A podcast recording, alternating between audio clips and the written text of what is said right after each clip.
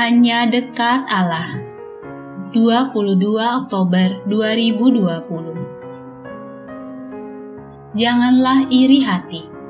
Amsal 3 ayat 31 hingga 35. Dalam ayat 31 hingga 32, penulis kitab Amsal memberikan nasihat.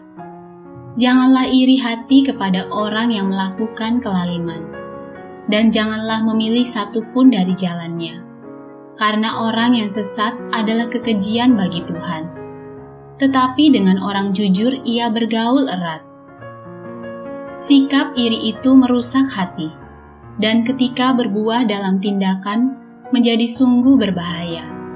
Karena iri, seperempat penduduk dunia Alkitab mati Itulah yang dicatat dalam kitab Kejadian ketika Kain membunuh Habel.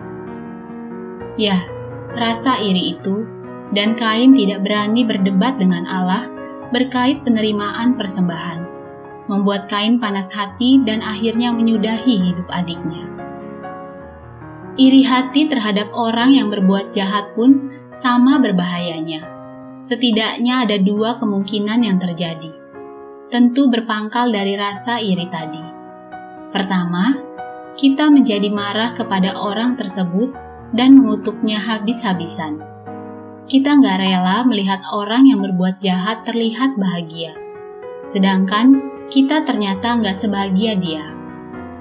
Rasa marah hanya akan menyakiti hati sendiri, bahkan mungkin kita menyalahkan Tuhan.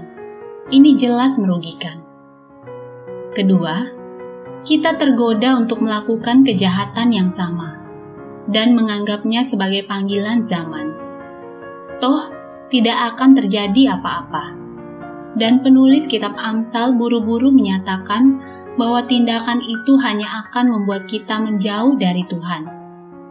Dalam Alkitab bahasa Indonesia masa kini tertera, sebab Tuhan membenci orang yang berbuat jahat tetapi ia akrab dengan orang yang lurus hidupnya. Oleh karena itu, jangan iri. Salam semangat dari kami, literatur perkantas nasional. Sahabat Anda bertumbuh.